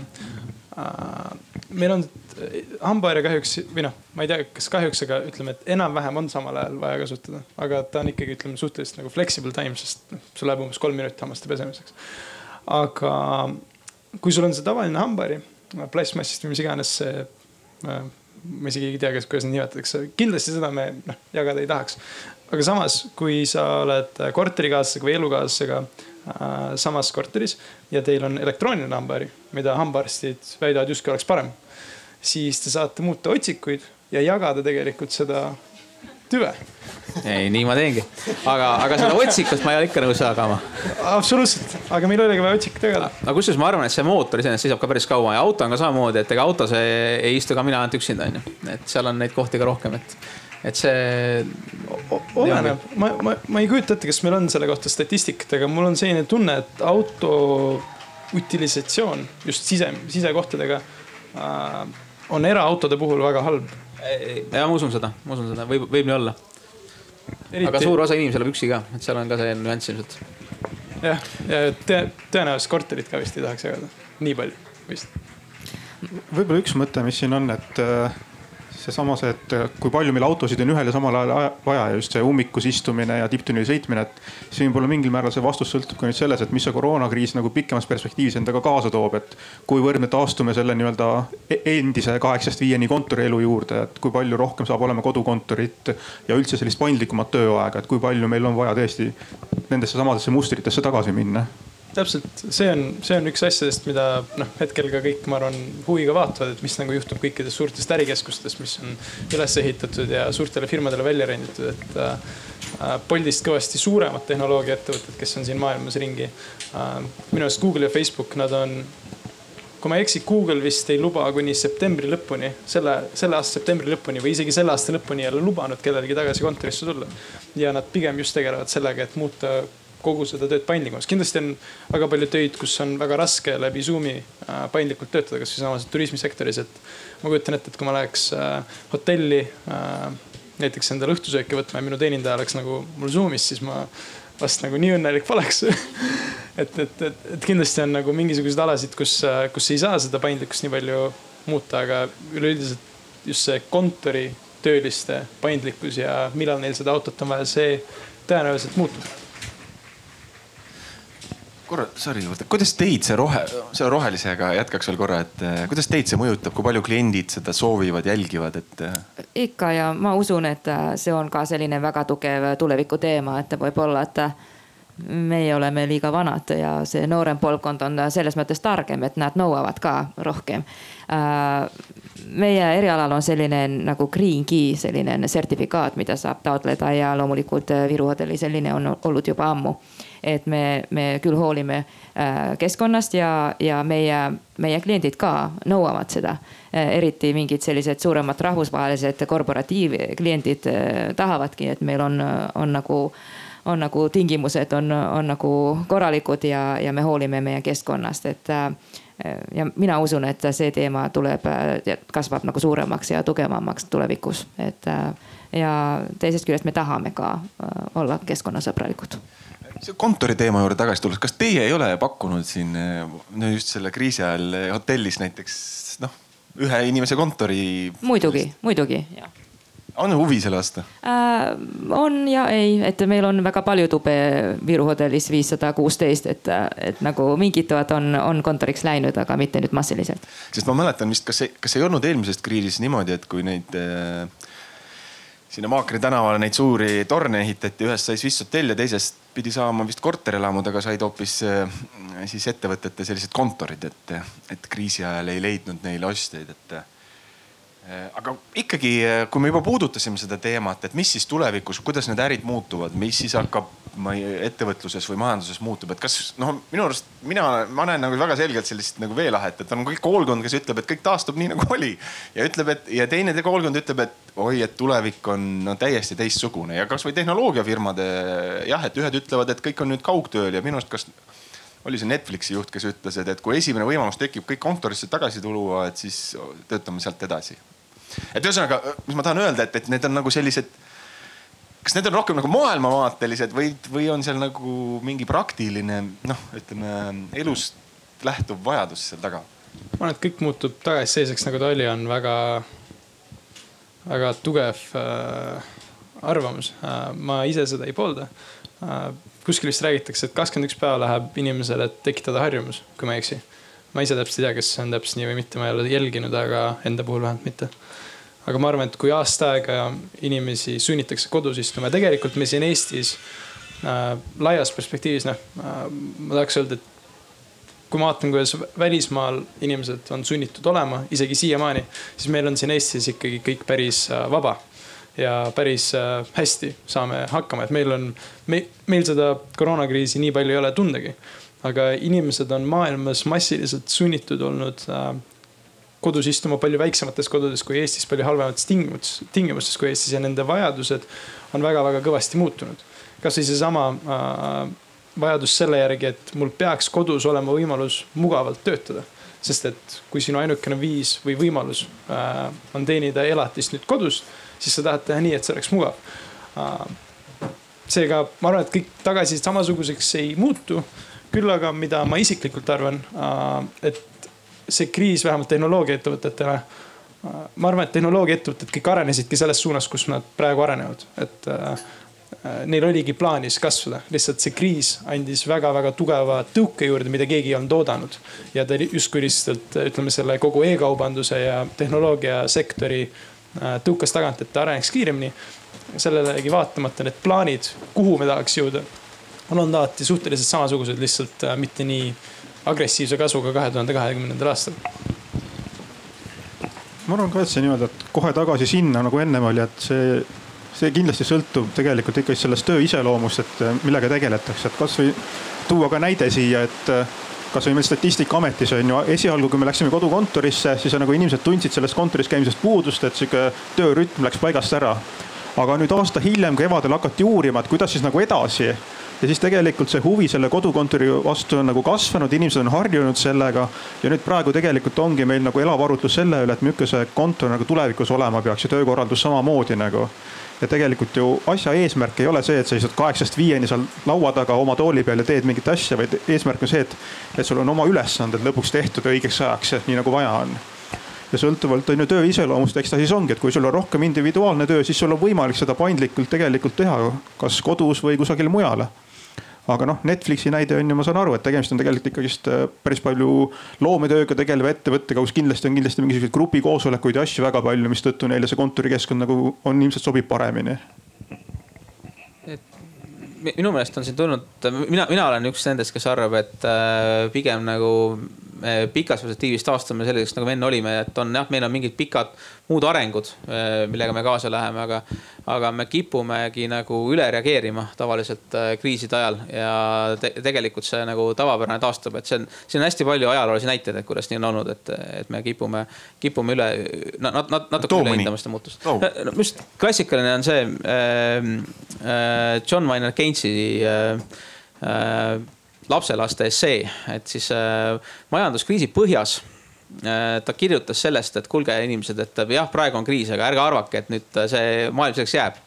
Et see ei ole see eelkujuline, millest me siin rääkisime tähtedest, et see ei ole see eelkujuline langus, et, et äh, saja aasta pärast äh, nagu või, või siis ütleme, et tema lapselapsed näevad ära selle, on ju, et kuidas on SKP on viis korda kõrgem äh, kui sel aastal kui ta parajasti oli. Ja, ja töö on hoopis teistsugune, et see noh, innovatsioon läheb edasi. Ja no täpselt äh, nii läkski, et äh,, et seda on hästi palju ette heidetud, et ta nagu oleks äh, lihtsalt unistanud seal, et see ei ole tõsi, aga kui me ikkagi numbreid vaatame, siis minu meelest suuresti nii läks, et see, ka see suur, väga suur kriis äh,, mis oli siis äh, siis kahekümne üheksandal aastal äh, ja Euroopas siis äh, kaks aastat hiljem, et, et ka see tegelikult möödus et, et noh, majandus ongi tsükliline, et need nii äh, head kui halvad ajad lähevad mööda.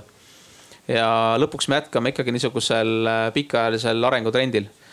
Ähm, et, et selles valguses ma arvan ka, et, äh, et niisugust ilmselt seda, et nüüd kõik koju jäävad tulevikus, et see ei ole nagu väga tõenäoline, et siin on need siin on äh, tulnud juba välja selliseid analüüse äh, juhtimispsühholoogia kohta, et, et kuidas see mõjutab näiteks inimeste karjäärivõimalusi, kui inimesed on kodus. kas see inimestel, kes on kontoris, on erinev tulemus kui nendel, kes on kodus.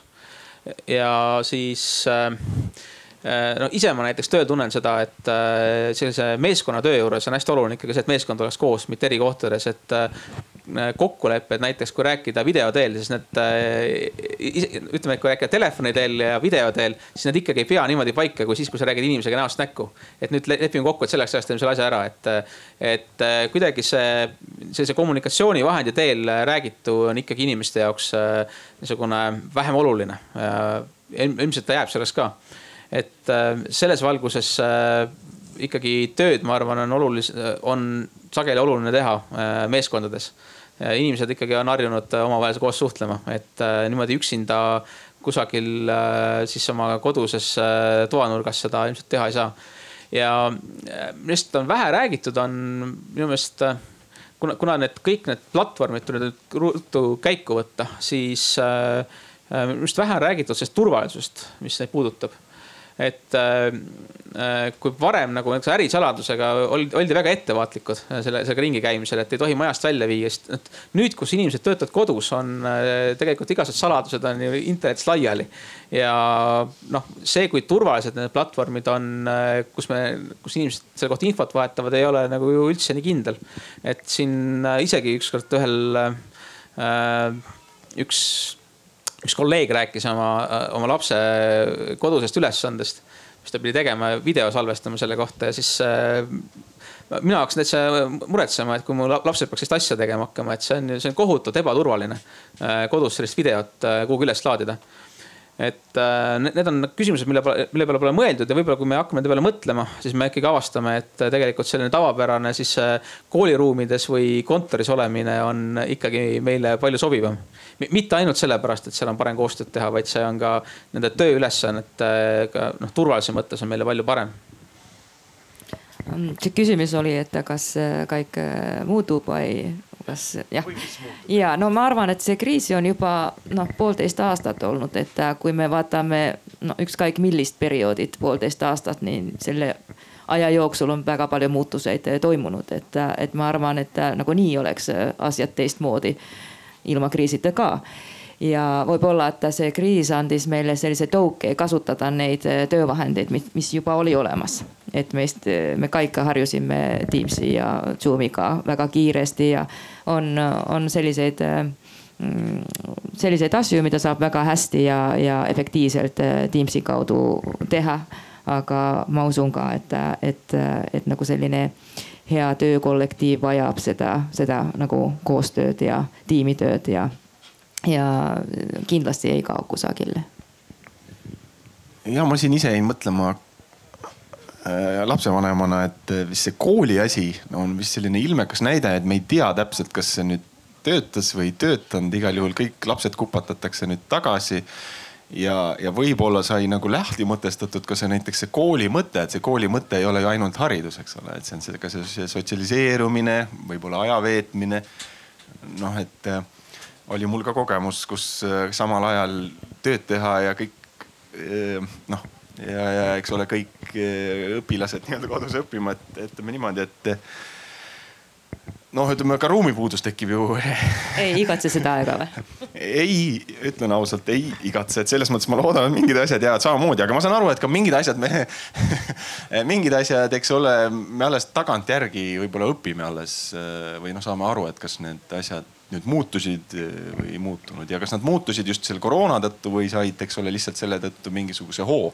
jällegi vaatan teismelisi, vaatan, et kuidas nemad suhtlevad, et siis nende jaoks võib-olla ma julgeks võib-olla sinuga, Kaspar, vaielda vastu, et võib-olla nende jaoks just see digitaalsed suhtlused võib-olla on isegi noh, vähemalt sama olulised võivad olla, et, et sest kuna nad on kuidagi kasvanud, aga, aga samas me ei tea veel, sest nad ei ole jõudnud sinna ikka, kus nad hakkaksid nagu päriselt mingisuguseid, ma ei tea, maailma muutma, ütleme.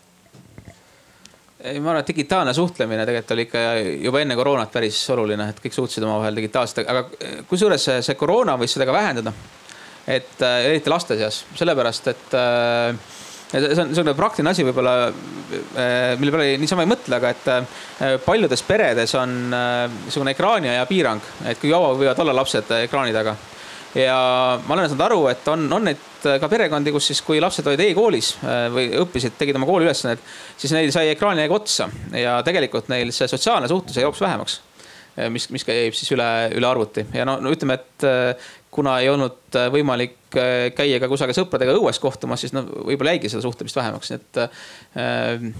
on hästi-hästi huvitavad asjad, mis on äh, välja tulnud seal nende kokkupuudete vähenemisest, et äh, siin äh, on osades riikides on hakanud näiteks lastehaiglasse sattuma rohkem inimesi, rohkem lapsi siis, kellel on külmetushaigused sellepärast, et noh, kui vahepeal kontakte ei olnud, siis äh, ei puutunud nende viirustega kokku ja immuunsüsteem jäi nõrgemaks. et, äh, et me veel näeme, mis, mis see nagu kaks aastat äh, kaugenemist endaga kaasa toob, et äh, ilmselt, ilmselt, ilmselt neid muutusi ikka on jah ma arvan, et inimeste vaimse seisundi muutused on ka mingi asi, mida me kümne-viieteist aasta pärast saame hakata analüüsima nagu palju rohkemat, sest et üleüldiselt noh, kõik inimesed, väga paljud neist pidid üksi kodus istuma ja võib-olla nad jäidki just sellest kontorisuhtlusest äh, ilma.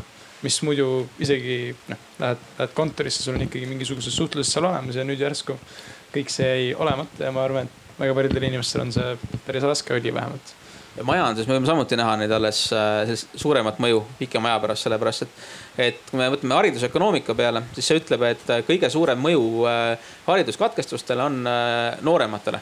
et no neid, kes on siis algkoolis, et neid mõjutab kõige rohkem see, kui on, on kool kinni.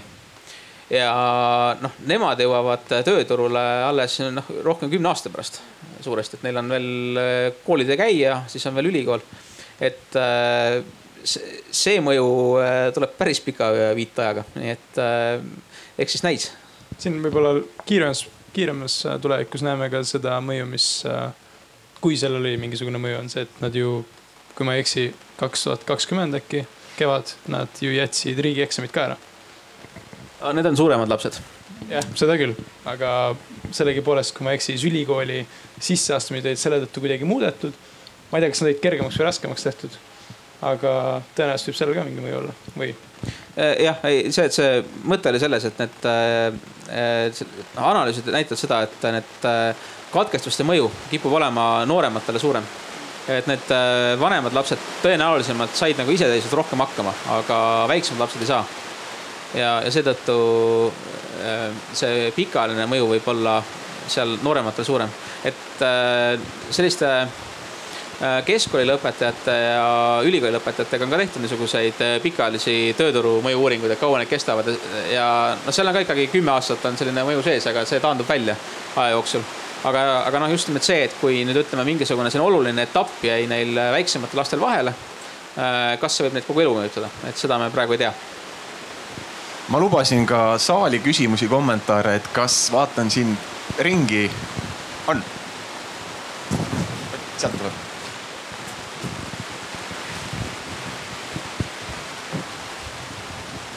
küsimus on selline, no äh, äh, nagu ma sain aru äh,, on oht, et äh, hakkavad inimesed lenda vähem, no see on, no see on äh, rahvus, see otse sõltub rahvusvaheliste asjadest aga vot näiteks äh, restoranid, üritused, no äh, praegu, praegu restoranid töötavad, äh, üritused on enam-vähem on olemas. no ja, no ja nii edasi, kuigi, kuigi mõned restoranid sulgesid ja no pandeemia lõpeb loodan, et uued restoranid näiteks teevad lahti alustavad oma tööd. mida te arvate, vot, vot restoranid üritused ja nii edasi. Kui meil praegu oleks suurem, rangem piiranguid, siis meil on vähem haiged, koroonaviiruste haiged. aga kui suur tõenäosus on selline, et kui pandeemia lõpeb, siis me ei taasta sellest, selliseid sektorid mitte kunagi, kui, kui enne oli sellepärast et võib-olla inimesed äh, ei taha enam äh, nii palju tulla restoranidele, üritustele, kui suur on see tõenäosus? kes tahab vastata? minu, minu silma, ütleme nii, mis mina olen näinud, et inimesed väga tahavad restoranides käia. ma, ma võin ka öelda võib-olla, et ma tegelen äh, Bolt Foodis siis kõikide äh, suurpartneritega globaalselt, kelle sisse lähevad siis ütleme suured fast food'i ketid samamoodi nagu McDonalds ja KFC. ja väga paljudes riikides on tegelikult noh, võib-olla nad ei ole küll päris see klassikaline restoran, et nad on ütleme sihuke kiir, kiirtoidurestoran.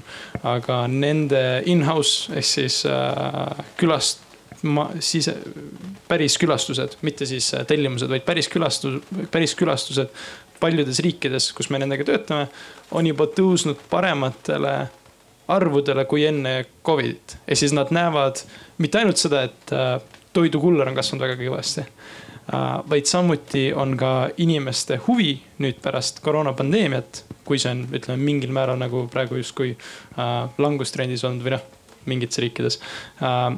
on huvi olnud suurem, kui see oli enne koroonapandeemiat ja ürituste puhul ma saaks vähemalt isiklikust kogemust öelda, et mulle tundub ka, et vist see huvi justkui ära nagu ei lähe ja mina, ma olen nõus äh, täiesti sinuga ja siis äh, ma ise arvangi, et, äh, et selle koroonapassi kasutamine võiks olla Eestile selline väga-väga suur tugevus ja võiksime olla nagu eeskujuks äh, ma siin, ma olen soomlane, ma vaatan, mis Soomes toimub ja seal nad äh, ikka veel nagu mõtlevad ja arutavad, et kas, kas võtta see passi kasutusele või mitte. ja ma kardan, et nad seda otsust ei suuda teha nagu selle sügise väga-väga kiiresti selle sügise jooksul, et, et äkki sellest tulekski üks selline nagu tugevus Eestile, et äh, soomlased, kes on tüdinud äh, kodus äh, nende piirangutega istuma, tulekski näiteks Tallinnasse või mujale Eestisse mõnulema, nautima restoranidest ja igasugustest kultuuriüritustest, et ma arvan, et see võiks olla selline, mida me, me peaksime nagu väga kõvasti ka turundama, et, et nagu meil on siin selline vabadus, kui sa oled vaktsineeritud või sul on see kaitse olemas, nii siis tere tulemast siia mõnulema. kuigi muidugi koroonapassiga peab poliitilises mõttes väga kindlasti ettevaatlik ettevaatlik olema uh,? mis te arvate Min,? minu arvates äh, näiteks siin äh, sellel üritusel väga fantastiline, et meil on see passi olemas ja me saame siin kõik äh, turvaliselt olla. mina isiklikult arvan, et niikaua, kuni see koroonapassi üks osadest on ka see PCR-i testi olemasolu, ehk siis inimene inimestel jääb valik, kas vaktsineerida ennast või mitte ma arvan, et niikaua on see okei okay., et selles suhtes mul on väga raske nagu isiklikult vähemalt võtta poliitilist seisukohta, kas inimesed peaksid vaktsineerima või mitte. Äh, kuigi ma ise olen vaktsineeritud, aga koroonapassi mõttes äh, just see puhtalt minu isiklikust kogemusest, kuna mul on, äh, minu ümber on inimesi, kes on nii poolt kui ka mitte poolt.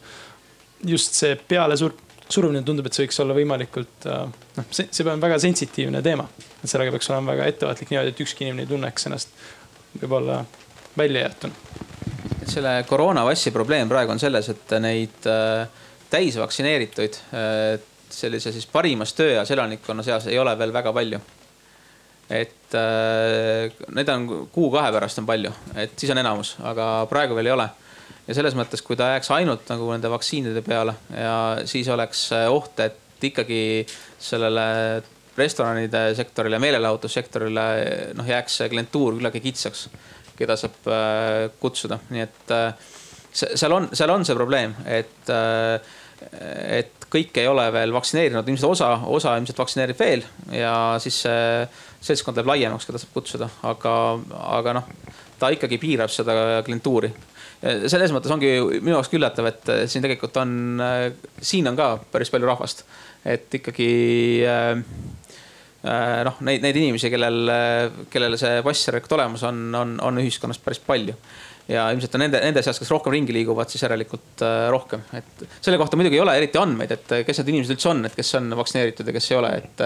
et ega igasugused turundusanalüüsi oleks palju lihtsam teha, kui oleks äh, mingisugust sisendit selle kohta, et millised on need ühiskonnagrupid, kes on, on vaktsineeritud, noh, praegu on näha sugu, vanus ja siis siis äh, see, see maakond, kuhu inimene on sisse kirjutatud äh, oma elukoha järgi.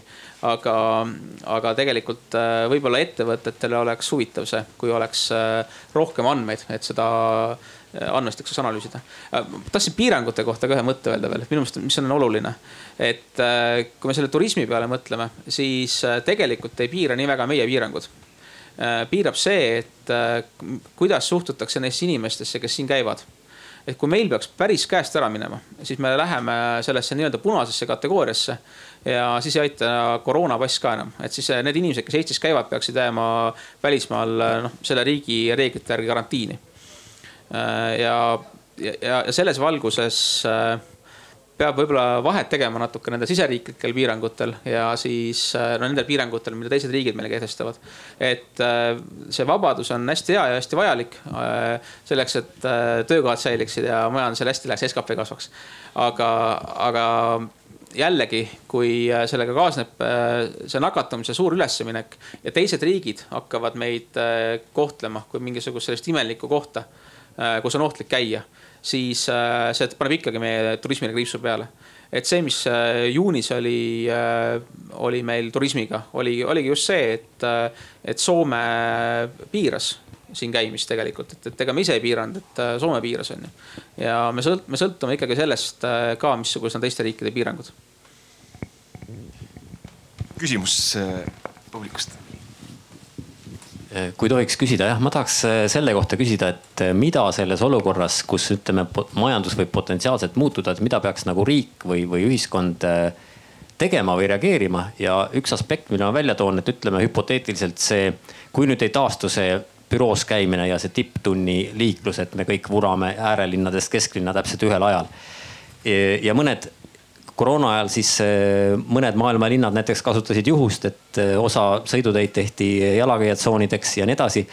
aga noh, mulle näib, et meie ikka samasuguse innuga ehitame edasi neid neljarealisi maanteid ja kolmekorruselisi viadukte, et kas me ei peaks hakkama neid projekte üle vaatama või, või siis äh, ajatama ja, ja vaatama, kas tegelikult selle järele reaalne vajadus, vajadus üldse tekib?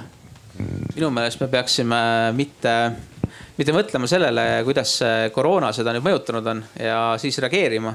vaid me tegelikult peaksime kujundama seda olukorda. et sellepärast ma natuke vaidlesin vastu ka sellele, sellele, et kas see Bolti autolaenutus äh, tegelikult on nii-öelda roheline. et ma, ma arvan, et see suurendab autokasutust. et äh, me peaksime hoopis äh, noh, kui me, kui me tunneme, et on mure selles, et keskkonnas on liiga palju autosid või et on, et äh, autovood on tipptunni ajal liiga suured, et siis tegelikult peaks äh, poliitikat tegema sinna suunas hoopis, et need oleksid väiksemad.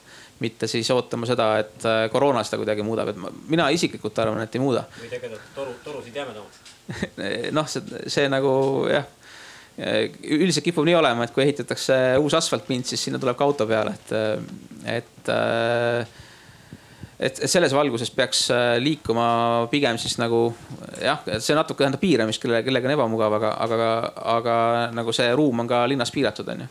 et mulle endale meeldib siin Pariisi näide, et äh, äh ma käin äh, tavaliselt kaks korda aastas Pariisis, et seal on üks äh, niisugune konverents või, või töögrupp, kus ma käin. ja siis äh, ma olen seal päris pikalt käinud ja seal oli, vahel oli niimoodi, et tipptunni ajal tõesti läheb linnas süda pahaks et väga raske on hingata, see diislitoss on nii kohutav.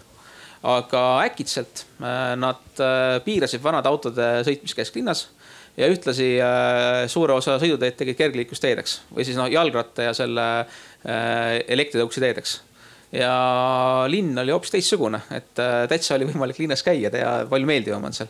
et noh, Tallinn pole kunagi nii hull olnud, kui, kui siis Pariis selle õhu poolest, aga, aga noh, võib-olla paremaks saaks ikka.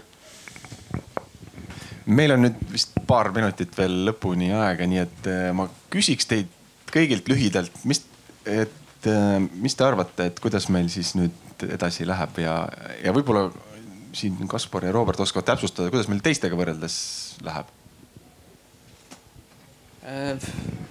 Noh, äh, Eesti eripära on see, et me peame siin Roberti poole vaatama, et miks see nii küll on, et äh, Eesti ei avalda oma andmeid eriti kiiresti, et teised riigid on juba avaldanud, et. Äh, et Euroopa Liidus oli keskmiselt oli teise kvartali majanduskasv oli seal kusagil kolmteist protsenti. see tuleb muidugi sellest, et aasta tagasi oli ka see teine kvartal madal. aga noh, kui vaadata Eesti niisuguseid siis äh, lühiajalisi näitajaid, et äh, näiteks tööstustoodangut ja jaemüüki. noh, vaadata ka seda, et tegelikult teises kvartalis näiteks turismil aprillis-mais läks palju paremini kui aasta varem. et ka seal, selles sektoris näiteks on päris kiire kasv tõenäoliselt teises, teises kvartalis, kuigi juunini tugev ei olnud, siis noh on üsna tõenäoline, et, et ka meie kasv tuleb teises kvartalis kuhugi sinna lähedale. Aga ma nagu usuks, et ikkagi tasapisi see, need mingid uued piirangud ikkagi meid hakkavad mõjutama, sellepärast et noh see koroonapass on meil olemas küll, aga kõigil inimestel seda ei ole ja mingi osa vähemalt nõudlusest võib olla välja lülitatud, juhul kui viirus uuesti kiiresti levima hakkab ja no siin viimase kuu jooksul oleme näinud, et päris, see võib päris ruttu juhtuda. Teistest riikidest teame, et see võib väga ruttu juhtuda, nii et need riskid, et, et siin sügisel võib minna kehvemaks, on täiesti olemas. samal ajal muidugi meil on äh, ilmselt tarbimisse tulemas ka väga tugev sihuke tõuge sellest, et nüüd äh, see teine sammas sai vabaks ja see ilmselt äh, toetab meie majandust veel mõnda aega. nüüd, kas see jõuab majanduskasvu numbritesse, on eraldi küsimus ja see on sellepärast, et et kui me vaatame neid ettevõtete hinnanguid, et tööjõupuudus on suur ja tööstusettevõtted ütlevad, et neil on tootmisvõimsus rakendatud, uusi seadmeid ei saa, sest et ei ole, ei ole võimalik, noh, lihtsalt on need tarneajad on nii pikad. siis noh, võib juhtuda ka see, et me näeme niisugust suuremat impordi kasvu, aga tegelikult majanduskasvusse ei jõua, kuna meil on lihtsalt see pakkumispoolne piirang on seal peal. ja noh siis saab see raha lihtsalt niimoodi kiiremini läbi löödud, aga, aga sealt suurt kasvu ei tule minu meelest see praegune koroonakriis on pakkunud päris huvitava sellise nagu just nagu riikide võrdluse, et kui tavaliselt nagu majanduskriisis on olnud see, et siuksed väiksed avatud majandusega riigid nagu, et kannatavad kõvasti, on suured kukkumised, nagu meil ka oli kümme, kaksteist aastat tagasi.